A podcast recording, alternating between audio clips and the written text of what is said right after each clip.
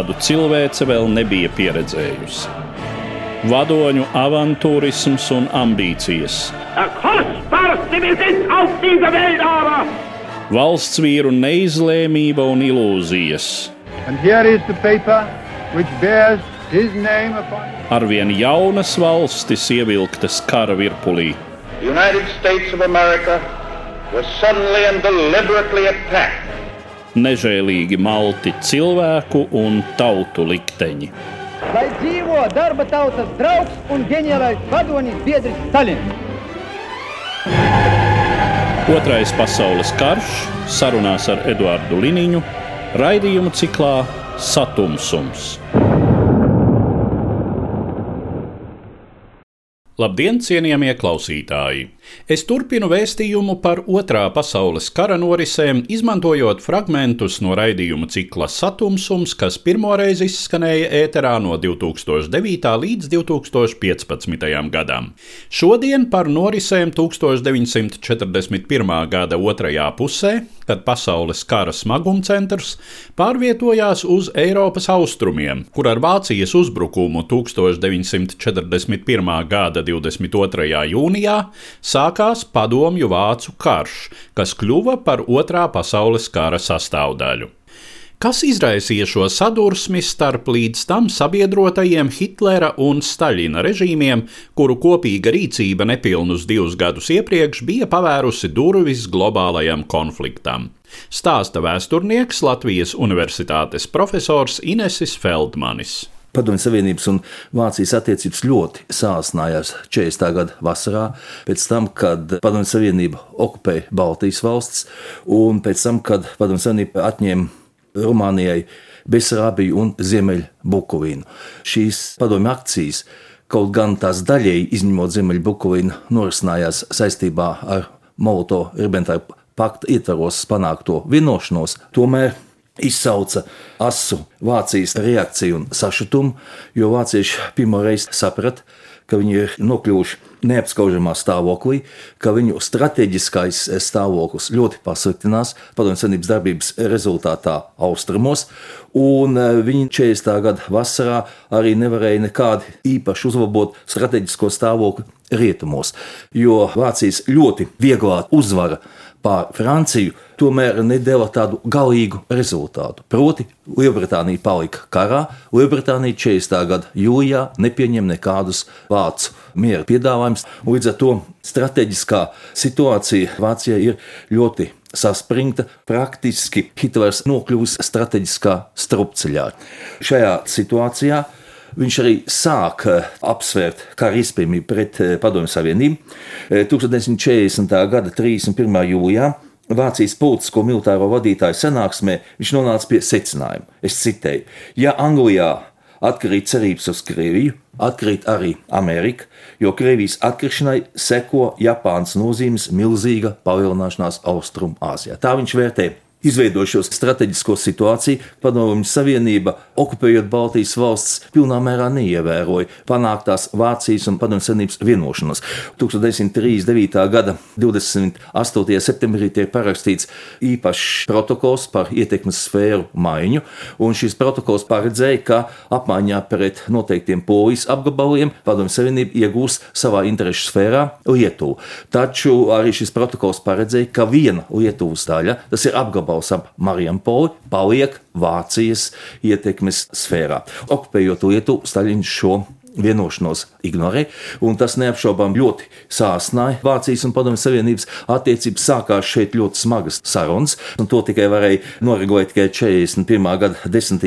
janvārī, tādā veidā, kad Padomju Savienība samaksātu 7,5 miljonus dolāru par Marijampolsas apgabalu. Bet vēl vairāk Hitleru sadusmoja Padomju Savienības rīcība pret Rumāniju.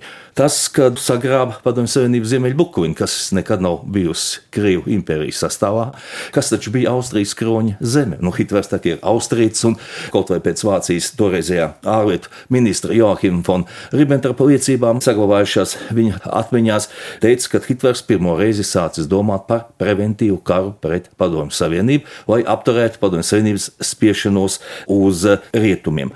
Nikolai Stariko grāmatā Hitlera liktenīgā kļūda šī galīgā lēmuma pieņemšana tomēr ir saistīta ar Hessa lidojumu uz Lielbritāniju. Starikovs un vairāk citi krievu vēstnieki uzskata, ka tā oficiālā versija sakarā ar Hessa lidojumu neatbilst patiesībai. Oficiālā versija balstās uz Čerčila memoāriem, ka angļu spēcdienesti pēc tam, kad Hess ieradās Skotijā, viņu arestēja, nopratināja un uzstīja, ka viņš nekādus nopietnus priekšlikumus Lielbritānijai nav izvirzījis. Tagad tomēr parādās tādi minējumi par Londonas diplomātiju briesmīgo noziegumu, ka viņi tomēr caur Hessu ir izcinājuši sarunas ar vāciešiem. Solīšu to, ka Lielbritānija paliks neitrāla, iespējamā padomju vācu karā, ļaus Hitleram izreikināties ar Padomju Savienību. Saņemot šādu angļu solījumu, Krievijas autora skatījumā, Hitlers ir izšķīries par uzbrukumu Padomju Savienībai. Tas ir noticis 1940. gada 10. jūnijā. Čerčils piemānīja Hitleru.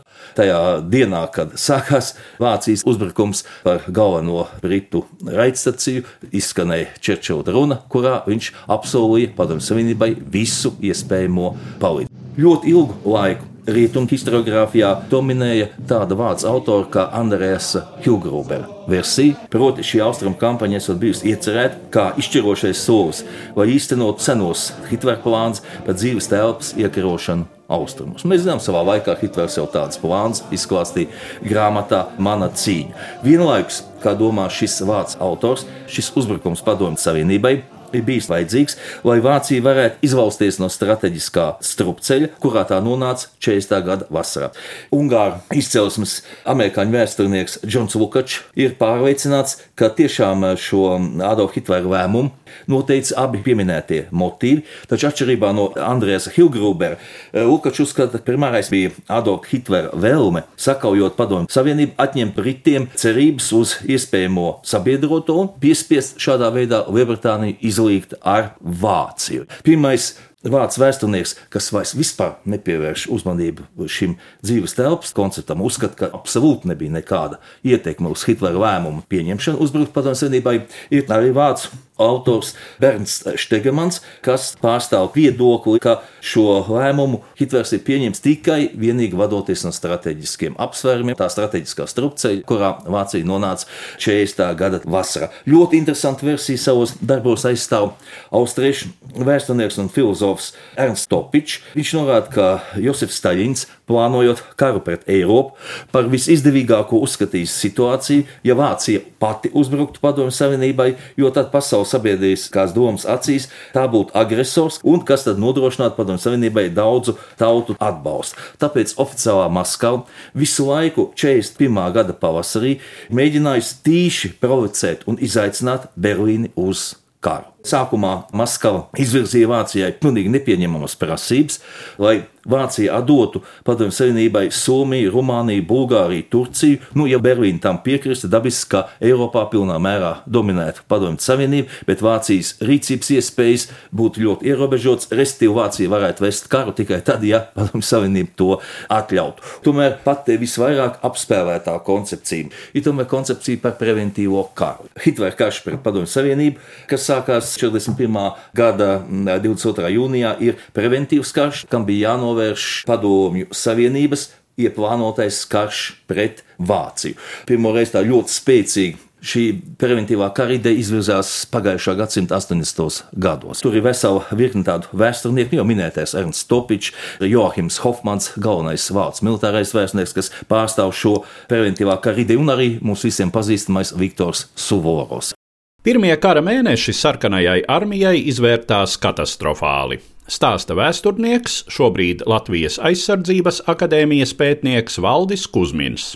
Jautājums, kāpēc sarkanā armija cieta tik katastrofāli sakā 1941. gada vasarā ir viens no visvairāk pētītajiem uz šo brīdi. Ceļš tas attiecās uz Krieviju. Manuprāt, grāmatas, kas ir izdotas par jautājumu, kas notika 41. gada vasarā, nu jau varētu skaitīt simtos. Slavenā viena no visvairāk apspriestajām un arī diskutētajām hipotēzēm par to, ka Staļins grasījās uzbrukt Vācijai pats, un Vācija tikai burtiski pa divām nedēļām apsteidza. Tad ir daudz un dažādi iespējas, ka sarkanās armijas, lai gan šī tehnika, statistikas tabulās ir diezgan daudz, piemēram, tik un tik daudz tūkstošu tanku, ja T-34 bruņas biezums ir liels. Un lielgabala kalibrs ir nesalīdzināmāk labāks nekā vācu tankiem šajā skaitā, bet tomēr karo ne jau tanki. Kara panākumus un veiksmes nosaka vairāku faktoru kopums. Patiesībā pats svarīgākais ir tieši cilvēki, kas ar šiem ieročiem, tankiem, lielgabaliem, lidmašīnām lido, karo, grib vai negrib cīnīties.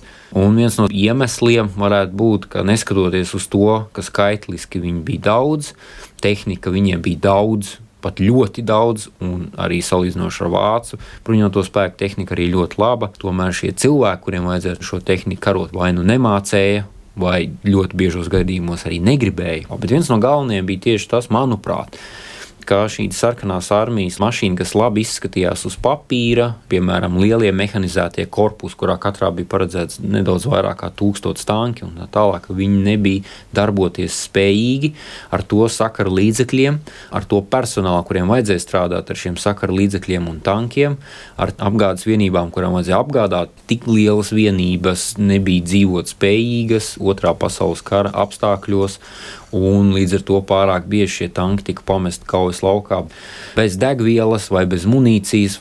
Sarkanās armijas mašīna, tāda kā tā bija 41. gada vasarā, bija pārāk inerta un pārāk neprecīza savās prognozēs, un pārāk bieži ticēja saviem plāniem, kas nebija realistiski un nebija īstenojami šajos apstākļos. Tas nav nekas unikāls. Vācijas bruņoties spēki sāk piedzīvot tieši to pašu 44. gada beigās, 45. gada sākumā, kad sākās sarkanās armijas uzbrukums, tur notika tieši šīs pašas neveiksmes ar līdzīgiem rezultātiem.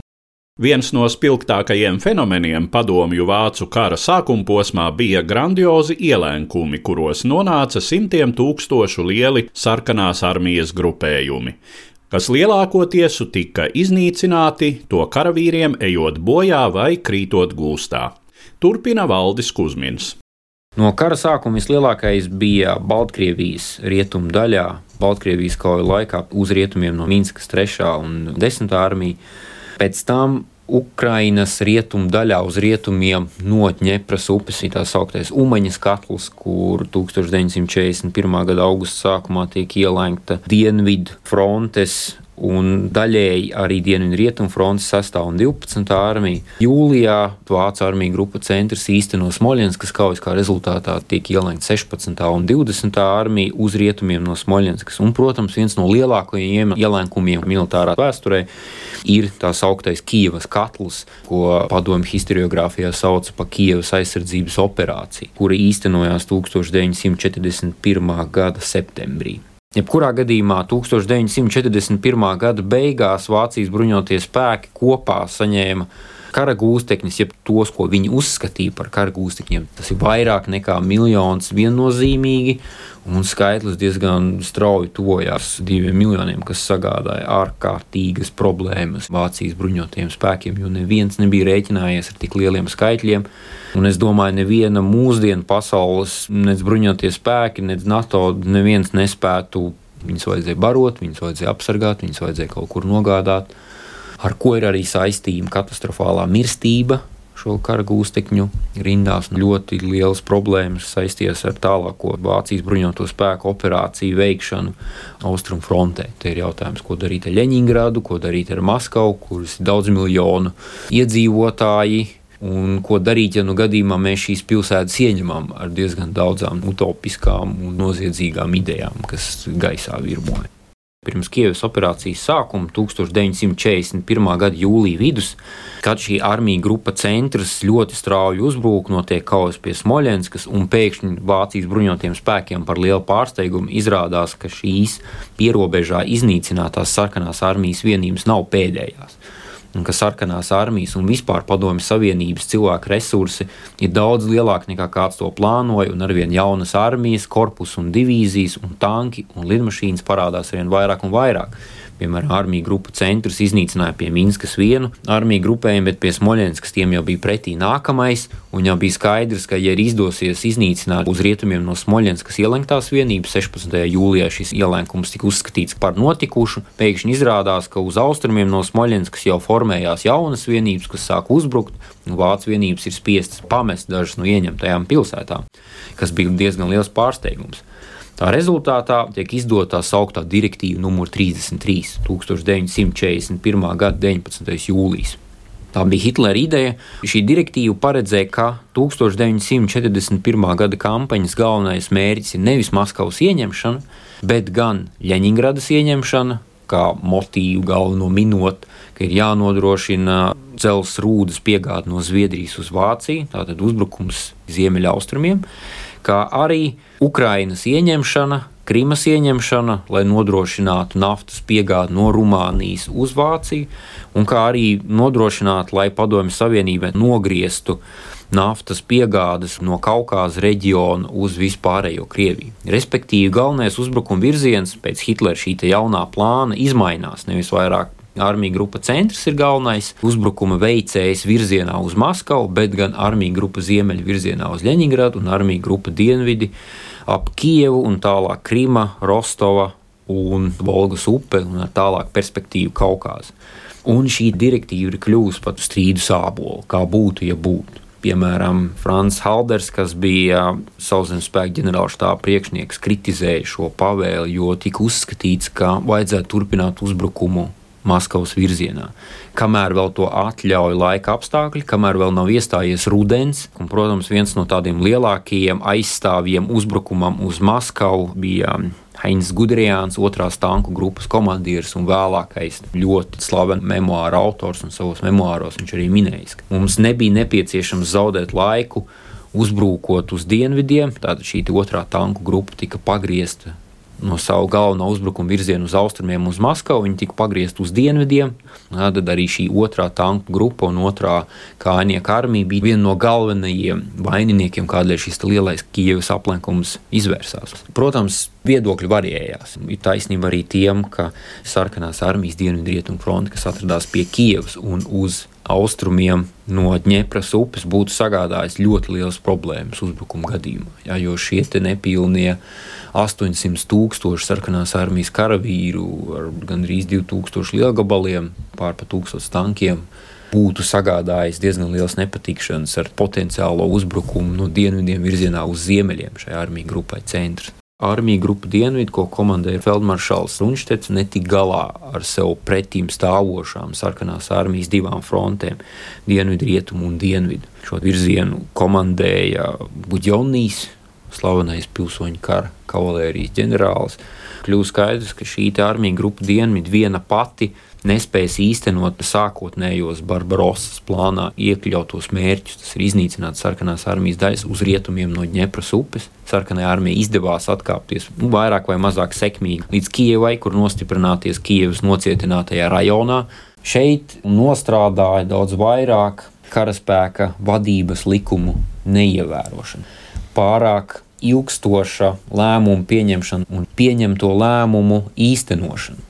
Sarkanās armijas virspavēlniecība, gan dienvidu virziena komandieris Buģonijas, gan arī jo sevišķi dienvidu rietumu fronts komandieris Kirpanos nenovērtēja Vācijas bruņoto spēku, motorizēto vienību pārvietošanās ātrumu, cik ātri šīs Vācijas bruņoto spēku tanku vienības ir spējīgas pārdislocēties no viena uzbrukuma virziena nākamajā uzbrukuma virzienā sarkanās armijas uzbūves, vadības sistēma un veids, kā viņi plānoja, izdeva pavēles un piespiedu šīs pavēles īstenot, neļāva šai dienvidrietumu frontei laicīgi atstāt Kievu, laicīgi sakoncentrēt spēkus un īstenot šo izlaušanos no ielēkuma. Tieši tas pats notika arī ielēkuma ārējā daļā. Jā, viņi plānoja piesaistīt rezervus, tur divas tanku brigādes, piemēram, bet kamēr šīs brigādes saņēma pavēli, kamēr viņi šī pavēle sāk īstenot, kamēr viņi aizbrauc līdz konkrētam koncentrēšanās rajonam un sāk šo pavēli izpildīt, vācu tanku vienības jau viņas bija pārsteigušas jau atradās paredzētajās izējas pozīcijās, un šie pretuzbrukumi no ielēkuma maisa iekšpuses un no ārpuses virzienā pretī nu, šiem, kas varētu mēģināt izlausties, bija par vēlu, pārāk haotiski. Un tiklīdz šīs sarkanās armijas vienības zaudēja centralizētu vadību, pārtrūka telefona sakaru, visas pārējās problēmas, tā praktiski šī visa Dienvidu-Rietumu fronte izjuka kā vienota karaspēka vienība. Katra no armijām, 5, 37, 26, kas tur atradās šajā ielenkumā, izlauzās uz savu roku. Un nereti arī šīs armijas pārstāv eksistēt kā vienots militārs organisms, un beigās jau katra divīzija, pulks vai bataljons izlauzās vai mēģināja izlausties, cik nu tas bija iespējams. Tomēr vācu stratēģisko plānu izmaiņas 1941. gada jūlijā par pāris mēnešiem aizkavēja iespējamo uzbrukumu Maskavai. Šī uzbrukuma iesākums gan vāciešiem šķita visai veiksmīgs.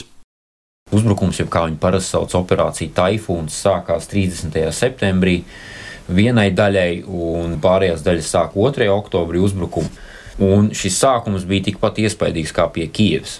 Pirmajās dienās pie Vjāzmas tiek ielemts vairākas sarkanās armijas vienības, un izskatās, ka šeit varētu būt pilnīgi sagrāvi un strauji uzbrukums Maskavas virzienā. Ja mēs sākam runāt par dabas apstākļiem un geogrāfiskiem apstākļiem, viens no tādiem galvenajiem, stabilākajiem arī mītiem ir šis ģenerālis Ziema un ģenerālis Dubļi kas apturēja Maskavas uzbrukumu. Un šeit arī, protams, ir diezgan daudz tādu vienkāršojumu, kā tur oktobrī sākās drausmīgi lieti, visi ceļi izšķīda un vācu militārā mašīna burtiskā nozīmē nogrima dubļos, un pēc tam šie dubļi sasala un mašīna nevarēja izvilkt ārā. Tomēr tas nav gluži korekti, jo Maskavas kauja ir 500 km no ziemeļiem uz dienvidiem. Dabas apstākļi 500 km varēja mainīties. Pirmais sniegs uzsniegt Gudrijā un uzbrukumu sektorā, tas vairāk uz dienvidiem, bet absolūti tas netraucēja 9. armijas uzbrukuma sektorā, kas bija pārsimts km uz ziemeļiem. Un šie dubļi, lai gan bija tāds ļoti būtisks faktors apgādes nodrošinājumam, bet tas nebija izšķirošais faktors. Tas būtu pārāk vienkāršot. Izšķirošais faktors bija drīzāk tas, ka vispār Vācijas armija austrumu frontē bija pārāk izstiepta. Un apgādes apstākļi, gan dzelzceļa līnijas, atšķirīga platuma dzelzceļš, kas bija uh, Padomju Savienības rietumu apgabalos, gan šie ceļi vispār, gan tas, ka Vācijas bruņotie spēki nebija gatavi apgādāt savu karaspēku tādu vispār apstākļos. Tur pat ceļi varēja būt ideāli, viņi tik un tā nebūtu spējīgi to izdarīt. Taifuns bija divos posmos, no sākuma līdz novembra sākumam. Tur bija nepilns divas nedēļas pārtraukums, un tad bija šis pēdējais izrāviens, kad vācu trešā vai ceturtā tanku grupa nonāca pāri desmit km līdz Maskavas pierobežai, bet praktiski šī operācija Taifuns jau varētu teikt bija izgāzusies daudz un dažādu iemeslu dēļ. Bet tā bargā ziema, ko mēs redzam filmās vai lasām memoāros, vēl nemaz nebija sākusies. Šī bargā ziema sākās tikai decembra vidū, decembra beigās, un jau pēc tam šī bargā ziema ļoti labi palīdzēja sarkanās armijas pretuzbrukumam, kas sākās 5. decembrī. Viens no iemesliem bija tāds, ka Vācijas bruņoto spēku karavīri nebija pietiekami adekvāti apģērbi un nebija morāli gatavi visu nakti stāvēt salā. Līdz ar to viņi tā vietā, lai būtu ārā, viņi atradās ciematos, ēkās iekšā, kas ļāva sarkanās armijas vienībām nakts laikā vai agros rītos šos ciematus ielenkt. Tas bija viens no tādiem iemesliem, varbūt šāda nedisciplinētība, kas ļāva panākt šos pirmos panākumus. Tie ārkārtīgi sarežģītie apstākļi, kas Vācijas bruņoto spēku karavīriem pie Maskavas šķita pilnīgi neiespējami, naktī salā, bez siltas pārtikas un tā tālāk, sarkanās armijas karavīriem, tā bija ikdiena, pie kā viņi bija pieraduši. Autoritārā sistēma radīja apstākļus, kas ļāva Padomju Savienības vadībai no savas valsts iedzīvotājiem, teiksim tā, izspiest vairāk nekā to varētu izdarīt pat Hitlers no savu bruņoto spēku karavīriem. Ar 1941. gada vasaru un rudeni saistās arī 201. latviešu strēlnieku divīzijas formēšanās sarkanās armijas sastāvā. Par divīzijas tapšanas apstākļiem un pirmajām kaujām pie Maskavas 1941. gada decembrī stāsta Valdis Kusmins un vēsturniece Latvijas kara muzeja līdzstrādniece Ilze Jermacāne. Viens no galvenajiem aizstāvēšanas pasākumiem, ko sarkanās armijas virspavēlniecība sāka darīt jau 1941. gada vasarā, jūlijā, augustā un septembrī, viņi sāka formēt vairākus simtus karaspēka vienības, strēlnieku divīzijas, strēlnieku brigāžu, tanku brigāžu pilnīgi no jauna. Kad nevis papildina jau kaujās novainātās vienības, bet būvē jaunas vienības no rezervēm, no jauna, saformē jaunas korpusu armijas un pēc tam viņas iesaist šajā kaujā. Decembra sākumā tas skaits bija astoņas svaigas armijas. Un kā vienu no piemēriem mēs varam minēt no šīm jaunajām divīzijām, kuras tika formētas pilnīgi no nulles, ir tā pati 201. Latviešu strēlnieku divīzija, kuras formēšanas sākums ir tieši 1941. gada vasara. 3. augustā arī sāk veidot divīziju. Netālu no Gorhijas ir Gorhvecas nometne. Tā ir tāda apmēram 20 km gara josla šķiet gar Maskavas Gorkijas šoseju. Un šajā teritorijā vienkārši sāk saplūst cilvēki. Pirmie 2000 ir no LPSR evakuējušies milicijas darbinieki, kas atrodas Gorkijā NKVD nometnē. Tā kā esmu pat lasījusi atmiņās, ka pirmais brīdis ir tāds drausmīgs hauss, jo viņiem nav nekur uh, normāli dzīvot, ne arī pārtikas sagatavošanas lietas nav norganizētas. Tad e, augusta beigās, septembra sākumā tur nonāk atlikušie 24. korpusa karavīri. Tad rudenī, oktobrī, novembrī nonāk visi tie, kas bija bijuši Ļeņģeradas frontē. Tie bija bijušie Jā, iznīcinātāji, iznīcinātāji bataljonu karavīri, strādnieku gvardes bataljonu karavīri, kas piedalījās kaujās Latvijā un Igaunijā. Un sākotnēji bija saformēti, ja nemaldos, divi atsevišķi strēlnieku pulki, pēc tam viņas apvienoja vienā, un tad jau viņiem zaudējumiem pieaugot Ļeņingrads frontē, to, kas bija palicis pār pārsviedi jau uz Maskavas formēšanu. Viens no galvenajiem kadra formētājiem bija bijušās Rīgas kājnieku karaskolas kursanti. Jā, kas nonāca septembrī šķiet divīzijā. Jā ir Latvijas pilsoņi, no kuriem tika šī kājnieku karaskola formēta.